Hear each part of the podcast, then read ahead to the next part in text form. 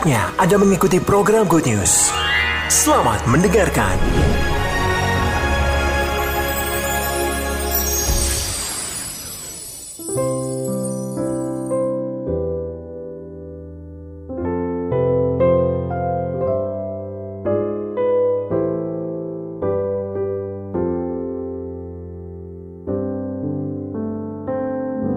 Puji Tuhan, saudara yang kasih Tuhan, mari kita arahkan hati kita pada Tuhan. Karena hari-hari ini sungguh dalam seminggu atau dalam satu bulan ini saya boleh menyaksikan ada yang menikah, ada yang mendapatkan pekerjaan. Itu yang saya dengar, yang saya lihat sendiri. Mendapatkan tempat atau pekerjaan melebihi daripada ekspektasinya atau harapannya. Mari berikan dulu tepuk tangan bagi Tuhan Yesus. Tetapi saya juga mendengar dan melihat ada yang dipanggil Tuhan. Dipanggil Tuhan dalam umur mama dari Pak Contoh 90 tahun. Ya. Tetapi juga ada yang dipanggil Tuhan masih dalam umur yang sangat muda. Yaitu tadi malam. Anak daripada hambanya dia akan di Malang yaitu anak dari Pak David Tansil, Michael Davidson Tansil. Dan masih banyak lagi ada yang bepergian, ada yang pamit, Pak, mohon doanya kami mau berangkat ke Holy Land. Puji Tuhan. Dan masih banyak lagi peristiwa-peristiwa yang lain. Artinya ada penyertaan Tuhan, ada rencana-rencana Tuhan untuk mereka. Semua itu datang dari Tuhan sendiri. Dan pertanyaannya adalah, adakah hari-hari ini yang datang dengan lutut bertelut lidah mengaku Yesus Kristus itulah Tuhan dan Juru Selamat. Amin berarti ada ya. Kalau belum ada kita akan terus doakan. Karena itulah yang menjadi tugas kita sebagai orang-orang yang sudah diselamatkan. Kerinduan kita hari-hari ini adalah bagaimana Tuhan menjadikan setiap saudara dan saya saksi dan alatnya.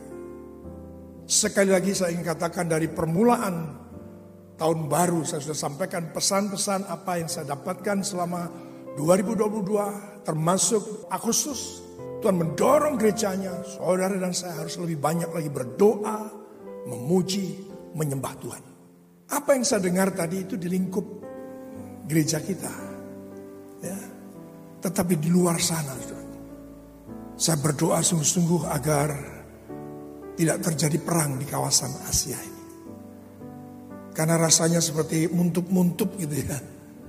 Apa yang akan terjadi di Laut Cina Selatan ini. Sebab apa yang terjadi di Eropa Tengah atau Ukraina itu sudah mendatangkan dampak yang luar biasa bagi dunia. Dan itu belum akan berakhir. Sekalipun saya menceritakan ini adalah sudah nubuatan dari Matius 24. Akan kita dengar kelaparan, akan kita dengar deru perang, dan lain sebagainya. Tetapi saya punya kepentingan untuk mendorong saudara dan saya agar saudara dan saya lebih sungguh-sungguh mencari Tuhan. Yang setuju saya berikan tepuk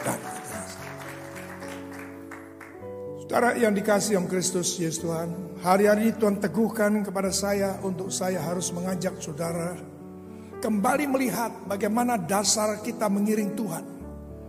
Kalau saja ujungnya perjalanan yang sudah kita jalani ini ujungnya belum menjadikan saya dan saudara murid Tuhan, berarti ada masalah. Saya ulang. Kalau mungkin 5 tahun, 10 tahun, 20 tahun, 30 tahun, bahkan 40 tahun, ujungnya saudara belum menjadi murid Tuhan, hanya sekedar orang percaya, beribadah, berdoa, nantikan berkat Tuhan, itu ada masalah dengan kekristenan. Karena tujuan Tuhan datang ke dunia ini. Menebus saudara dan saya untuk menjadikan saya dan saudara milik kepunyaannya. Supaya dia dapat dengan leluasa menjadikan apa yang Tuhan kendaki. Utamanya adalah menjadikan orang yang ditebus Tuhan itu murid Yesus Kristus. Mari berikan tepuk tangan. Untuk itu saudaraku, dalam seminggu ini saya sudah menyampaikan firman Tuhan dari Injil Matius pasal yang kelima. Pada saat di doa malam di Malang hari Rabu yang lalu saya sudah sampaikan salah satu daripada apa yang Tuhan ajarkan dan itu menjadi dasar utama yang diajarkan oleh Tuhan Yesus kepada para murid itu dasar utama. Yang waktu di hari Rabu yang lalu saya sampaikan berbahagialah orang yang lapar dan haus akan Tuhan karena mereka akan dipuaskan. Kedua, saya sudah sampaikan kemarin di doa puasa di tempat ini. Ya, murah hati. Saudaraku yang dikasih Tuhan, mari kita tengok dulu Matius pasal 5 terlebih dahulu. Ketika Yesus melihat orang banyak itu, naiklah ia ke atas bukit. Dan setelah ia duduk, datanglah murid-muridnya kepadanya. Maka Yesus pun mulai berbicara dan mengajar mereka. Katanya, berbagilah orang yang miskin di hadapan Allah karena mereka lah yang empunya kerajaan surga. Berbagilah orang yang berduka cita karena mereka akan dihibur. Berbagilah orang yang lemah lembut karena mereka akan memiliki bumi. Berbagilah orang yang lapar dan haus akan kebenaran karena mereka akan dipuaskan. Berbagilah orang yang murah hatinya karena mereka akan beroleh kemurahan. Berbagai orang yang suci hatinya karena mereka akan melihat Allah. Berbagai orang yang membawa damai karena mereka akan disebut anak-anak Allah.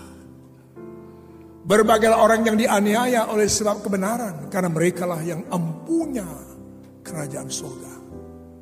Berbagailah kamu jika karena aku kamu dicela dan dianiaya dan kepadamu difitnahkan segala yang jahat. Bersukacita dan bergembiralah karena upahmu besar di surga. Sebab dengan demikian juga telah dianiaya nabi-nabi sebelum kamu. Semua berkata, amin. Ada tujuh kata berbahagialah. Ditutup dengan kata ber, bersukacita, bergembiralah. Sembilan satu ajaran yang penting dan menjadi dasar pertumbuhan umat Tuhan yang bertumbuh di dalam dia. Maka saat ini katakan, kalau sampai kedapatan lima tahun, sepuluh tahun, lima belas tahun, dua puluh tahun, sampai berapapun perjalanan kekristenan yang sudah jalani, tetapi belum mendapati saudara di hadapan Tuhan, di hadapan sesama, belum menjadi murid Tuhan ada masalah dalam kekristenan kita. Kenapa? Di Matius 5 itu saudaraku, Yesus pertama kali berbicara, pertama kali Tuhan Yesus mengajar.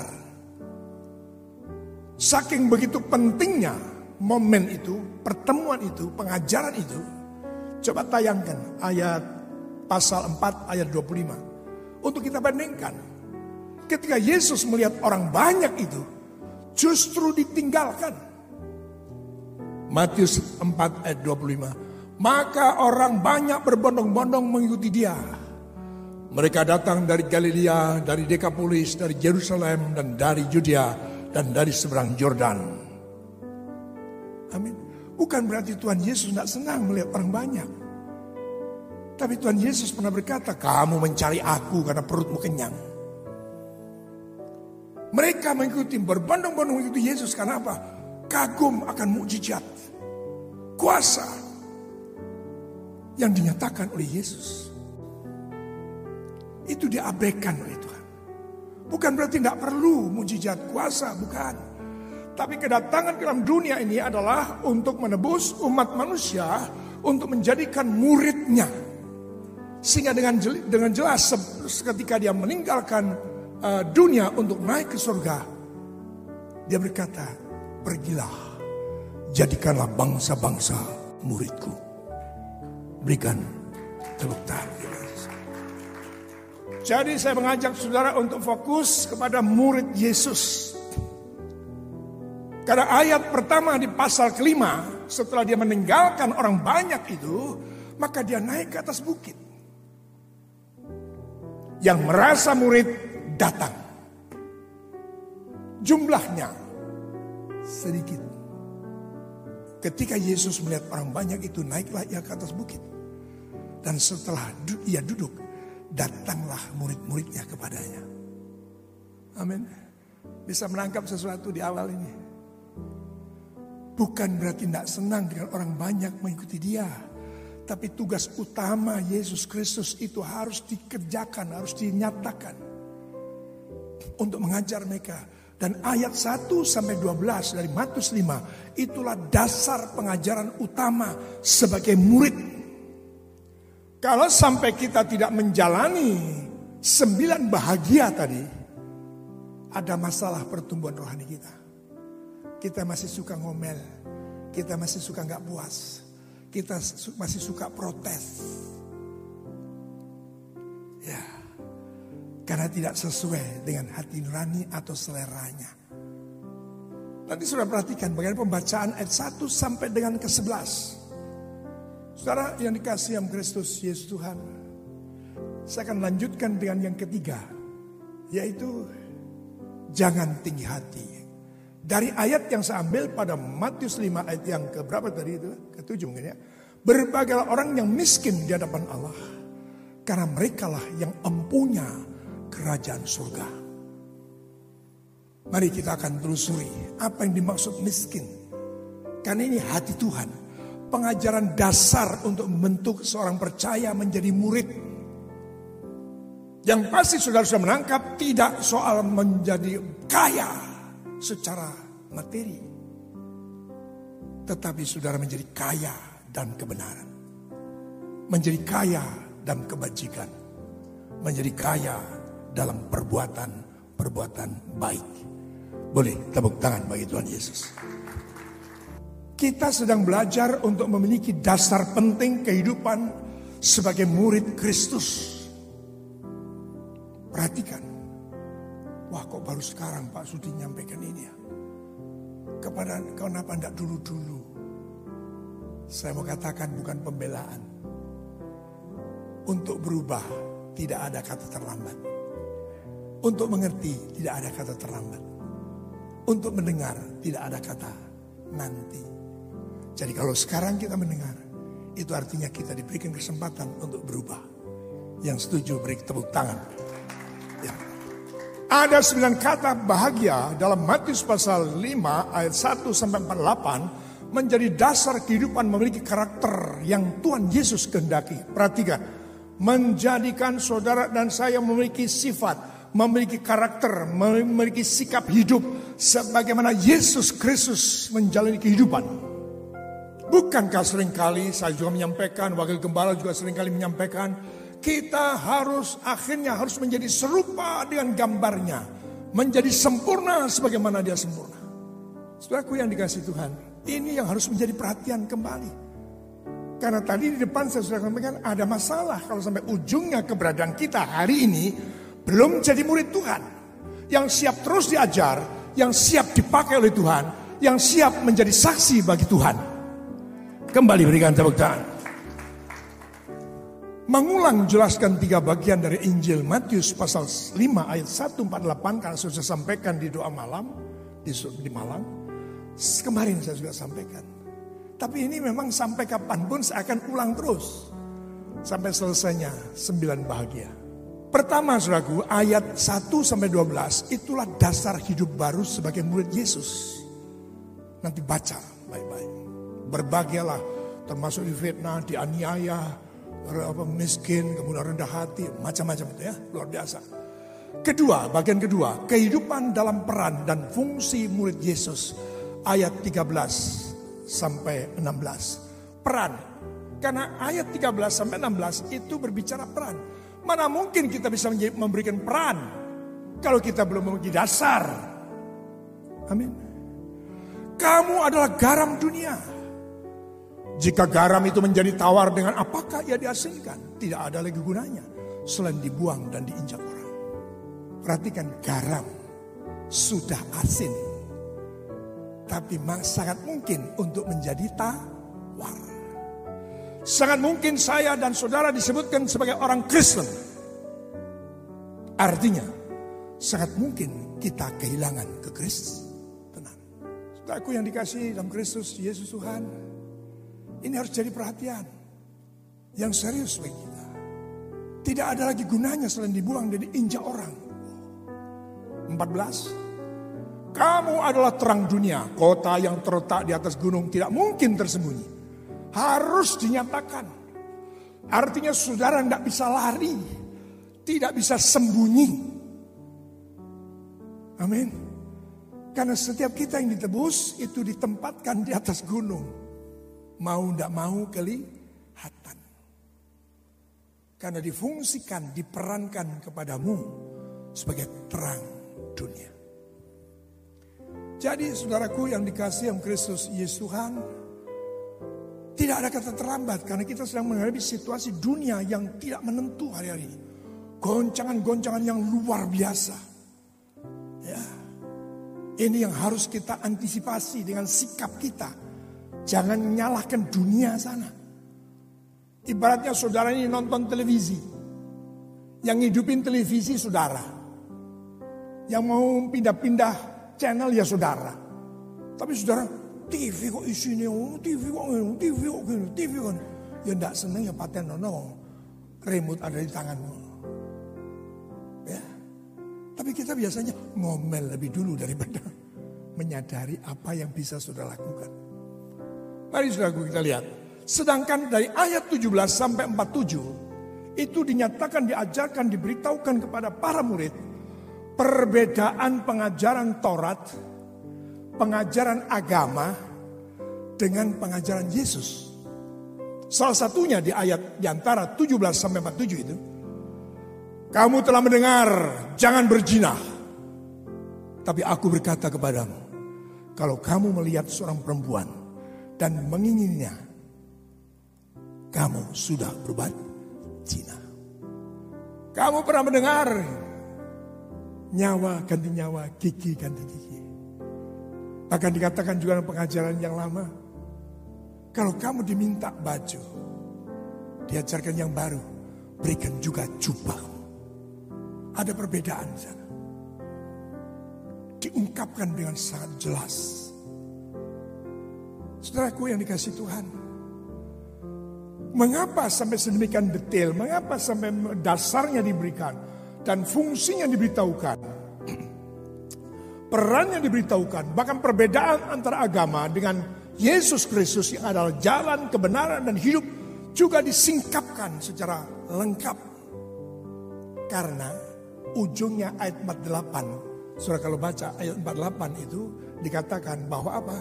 Sempurnalah kamu sebab Bapakmu yang di surga itu sempurna. Mari berikan tepuk tangan. Jadi ada tujuan akhir yang Tuhan kehendaki. Ada tujuan yang jelas yang Tuhan inginkan bagi setiap kita. Jadi saudaraku yang dikasih yang Kristus Yesus Tuhan saya akan baca ulang ayat di 47 ya bahkan dalam 47 48 saya berikan ya. Dan apabila kamu hanya memberi salam kepada saudara-saudaramu saja, apakah lebihnya daripada perbuatan orang lain? Bukankah orang yang tidak mengenal Allah pun berbuat demikian?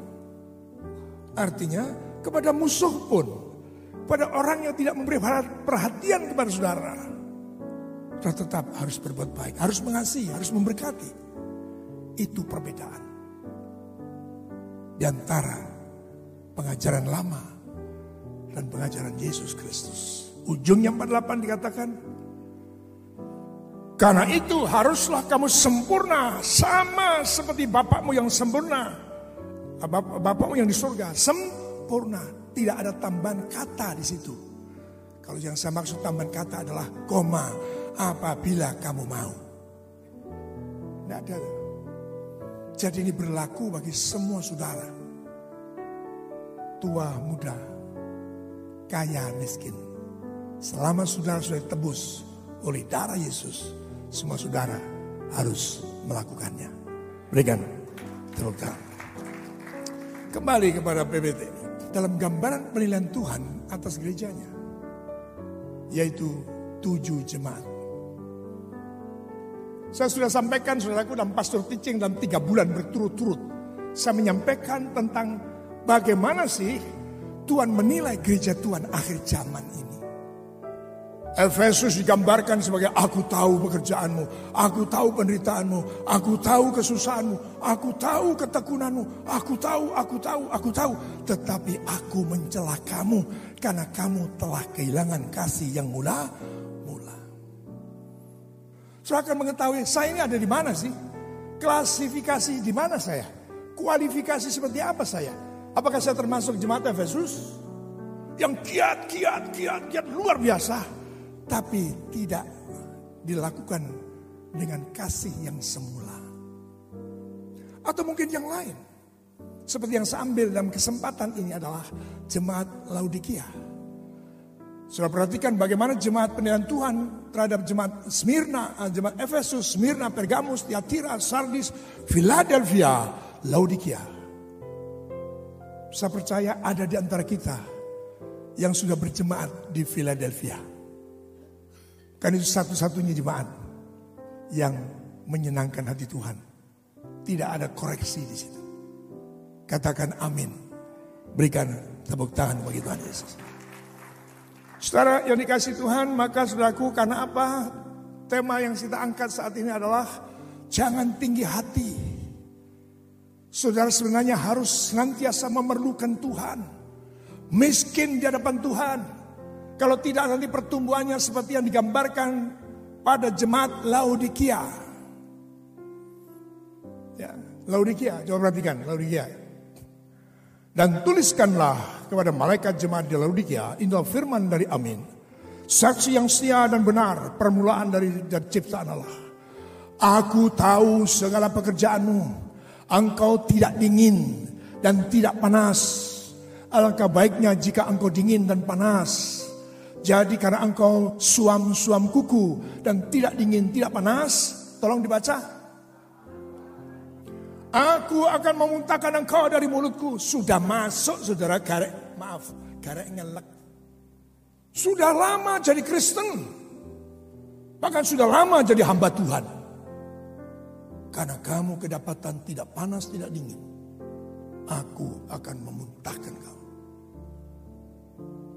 Kalaupun dikatakan seperti ini apa tidak ada kesempatan? Ada kan. Setiap jemaat itu ujungnya siapa yang bertelinga bertobatlah ada kesempatan ya. Puji Tuhan. Tuhan Yesus itu sangat sangat baik. Mari berikan tepuk tangan. Karena engkau berkata, aku kaya. Ini tujuannya. Kenapa? Karena merasa kaya sudah. Kaya harta. Aku kaya dan aku telah memperkayakan diriku dan aku tidak kekurangan apa-apa dan engkau tidak tahu bahwa engkau melarat dan malang, miskin, buta, telanjang, maka aku menasihatkan engkau supaya engkau membeli daripadaku emas yang telah dimurnikan dengan api. Agar engkau menjadi kaya. Perhatikan ini sudah ayat 18 ini sudah menunjuk, merujuk, menasihati, menegur sekaligus memberikan jalan keluar. Agar engkau menjadi kaya dan juga pakaian putih supaya engkau memakainya agar jangan kelihatan ketelanjanganmu yang memalukan dan lagi minyak untuk melumas matamu supaya engkau dapat melihat. Sekarang bisa melihat, lihat. Saya bisa melihat secara jasmani lahir ya. Tapi yang dimaksudkan itu tidak melihat akan kehadiran Tuhan. Tidak melihat akan kasih sayang Tuhan. Tidak melihat perbuatan-perbuatan yang besar yang Tuhan telah kerjakan. Sehingga disarankan belilah minyak untuk melumas mata. Barang siapa ku kasih, ya ku tegur. Jadi saudara ditegur itu karena dikasih. Dan ku ajar, sebab itu relakanlah hatimu dan bertobatlah. Lihat aku berdiri di depan pintu dan mengetuk jika ada orang yang mendengar suaraku dan membukakan pintu aku akan masuk dan mendapatkannya dan aku makan bersama-sama dengan dia dan ia bersama-sama dengan aku. Siapa itu yang bukakan pintu? Bisa jadi mereka yang sudah mau dimuntahkan itu. Tapi ternyata dia kedapatan bertobat. Tetap Tuhan datang mengetuk pintu. Dan ternyata dibuka. Tuhan masuk makan bersama dengan Tuhan Yesus. Itu kasih Tuhan Yesus yang luar biasa. Mari berkata. Barang siapa menang, ia akan kududukkan bersama-sama dengan aku di atas takhtaku. Sebagaimana aku telah menang dan duduk bersama-sama dengan Bapakku di atas takhtanya. Siapa bertelinga, hendaklah yang mendengarkan apa yang dikatakan roh kepada jemaat. Amin. Siapa bertelinga? Maaf, ada yang tidak punya telinga. Ayat ini menjelaskan apa? Tidak ada alasan Pak aku tidak dengar. Selama saudara punya telinga, dipastikan oleh Tuhan, engkau pasti mendengar. Tidak ada alasan aku tidak ngerti Pak. Aku tidak dengar pengumuman itu.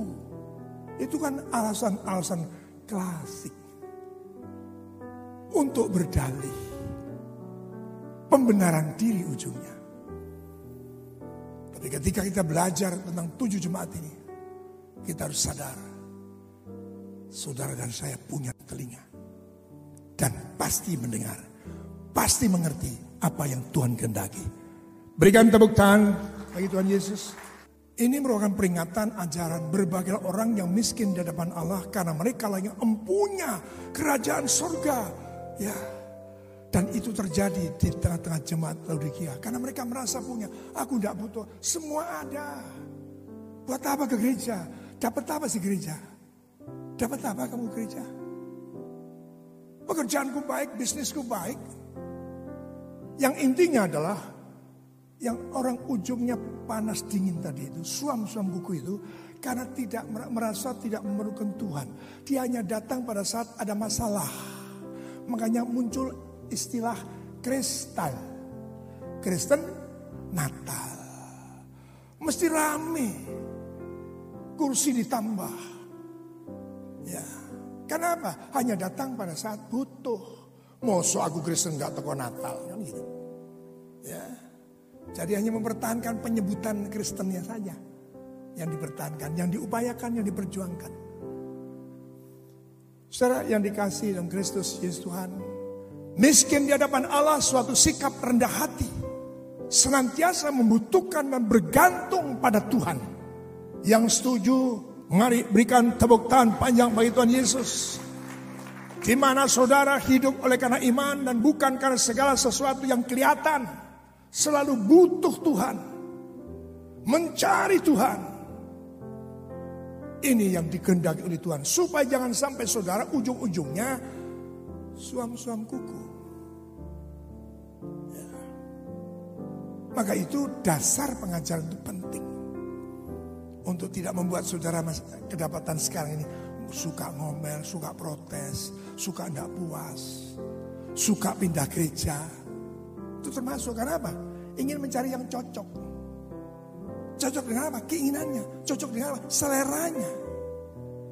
Tapi kalau saudara tidak enak gitu, oh itu berarti saudara sadar. Apalagi digosipkan, difitnah kan sudah ada ayatnya. Oh enggak apa-apa. Tapi saudara hari ini saya dengar begitu dengar digosipkan difitnah. Kalau dia tidak membuat pernyataan minta maaf di media umum, saya sudah siapkan pengacara. Mau memberi makan pengacara. Tidak ber, ber, berujung berdamai. Itu tidak terjadi di luar Tuhan, di luar Kristen, terjadi di dalam diri anak Tuhan. Saudara yang dikasih yang Kristus Yesus Tuhan. Miskin di hadapan Allah itu satu sikap rendah hati senantiasa membutuhkan dan bergantung kepada Tuhan. Seperti contoh pada Lukas 12 ayat 16 sampai 21. Saya baca cepat ya. Kemudian ia mengatakan kepada mereka suatu perumpamaan katanya. Ada seorang kaya tanahnya berlimpah-limpah hasilnya. Ia bertanya dalam hatinya. Apakah yang harus aku perbuat? Sibuk sudah. Kalau soal, soal dunia itu sibuk, punya perencanaan sampai tidak tidur, sampai tapi untuk soal rohani tidak mempersiapkan sesuatu. Oh besok ini ibadah, besok ini hari Minggu, ayo kita cepat tidur. Enggak, yang dipikirkan, ya apa ya cara ini gede gini, bagaimana ya memperkaya lagi. Ya, 18, uh, 17, ya bertanya dalam hatinya, apakah yang harus aku perbuat? Sebab aku tidak mempunyai tempat di mana aku dapat menyimpan hasil tanahku. Lalu katanya, inilah yang akan ku perbuat. Aku akan merombak lumbung-lumbungku dan aku akan mendirikan lebih besar dan aku akan menyimpan di dalamnya segala gandum dan barang-barangku. Semua itu akan ber, semua itu aku akan berkata kepada jiwaku, jiwaku ada padamu banyak barang, tertimbun bertahun-tahun lamanya. Beristirahatlah, makanlah, minumlah, bersenang-senanglah. Tetapi firman Allah datang kepadanya, "Hei engkau orang bodoh, pada malam ini juga jiwamu akan diambil daripadamu. Dan dari apa yang telah kau sediakan, untuk siapakah itu nanti? Demikianlah jadinya orang yang mengumpulkan harta bagi dirinya sendiri. Jikalau ia tidak kaya di hadapan Allah. Ayo jujur, bukankah untuk pekerjaan, bukankah untuk bisnis, saudara rela ngelembur nambah jam atau menunda tidur. Pertanyaan saya adalah, adakah itu sudah lakukan juga ketika engkau hendak mencari wajah Tuhan? Mempersiapkan diri dengan lebih baik. Saudara yang kasih Tuhan, Mazmur 62 ayat 2 pun mengatakan, hanya dialah gunung batuku dan keselamatan kota bentengku dan aku tidak akan goyah. Terus tiga, sorry, oh tiga. Oh ini versinya lain. Kalau di tempat saya 62 sudah menyatakan hanya dekat dengan Allah saja. Aku tenang. Oke okay, ya itu ayatnya yang saya maksud. Tapi karena mungkin di media versinya lain. Maka sudahku memiliki kerajaan surga itu artinya memiliki kebenaran. Damai sejahtera, sukacita oleh roh kudus. Roma 14 ayat 17 ini yang mesti kita kejar ini kita bisa lembur, kita pikirkan serius untuk bisa menyatakan kebenaran, untuk mengejar dan mendapatkan damai sejahtera, sukacita oleh Roh Kudus. Sebab kerajaan Allah bukanlah soal makanan dan minuman, tetapi soal kebenaran, damai sejahtera, sukacita oleh Roh Kudus yang setuju berikan tepuk tangan bagi Tuhan Yesus. Akhirnya, mari kita yang miskin untuk memberkaya diri dengan perkara-perkara rohani. Pengenalan akan Tuhan, kebajikan, perbuatan-perbuatan baik, dan siap menjadi berkat sesama. Senantiasalah memerlukan Tuhan. Ada satu ujian lama yang apa satu jam saja satu jam. Ya, jadi kita jangan sampai kemudian lena terlupakan atau asik oleh karena mainan kita. Dan mainan kita biasanya perkara dunia. Sehingga kita tidak merasa, apalagi sudah diperkaya, segala sesuatu tidak kekurangan apa-apa. Ya. Dalam hatinya, apalagi yang aku akan harapkan sebab aku sudah kaya, aku sudah tak kekurangan apa-apa. Sehingga merasa tidak perlu Tuhan. Tapi orang demikian itu saya dapati juga. Ketika, ketika ada saudaranya yang sakit. Masih juga mengundang hamba Tuhan. Untuk minta didoakan. Pak, sudah ke sana kemari Pak. Sudah ke New York Pak. Sudah ke Jepang Pak. Sudah ke Penang Pak. Sudah ke Singapura Pak. Tapi saudara saya tidak bisa sembuh. Mungkin Tuhan mau sembuhkan. Tolong Pak doakan. Eh, lumayan ya seiring Tuhan. Ya. Saudara yang dikasih dalam Kristus ya Tuhan. Soli Deo Gloria. Segala sesuatu untuk kemuliaan Tuhan. Pakai waktu, kesempatan, fasilitas yang saudara miliki. Pakai untuk memperkaya dirimu. Perkara-perkara roh Kolose pasal 3 menyatakan ayat 1, carilah perkara-perkara di atas dan pikirkanlah perkara di atas. Maaf, ini akhir zaman. Kita sadar hidup kita ini dalam kedaulatan Tuhan. Selama kita hidup, selama ada kesempatan, mari cari Tuhan. Berikan tepuk tangan.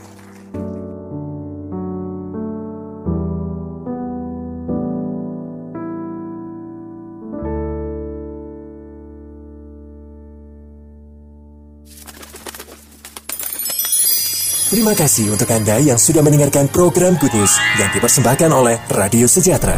Untuk Anda yang rindu mendapatkan layanan konseling dan dukungan doa, silakan menghubungi hotline 0812 33 33 6392. Para konselor dan para pendoa Diaspora Sejahtera Caring Ministry siap untuk melayani Anda.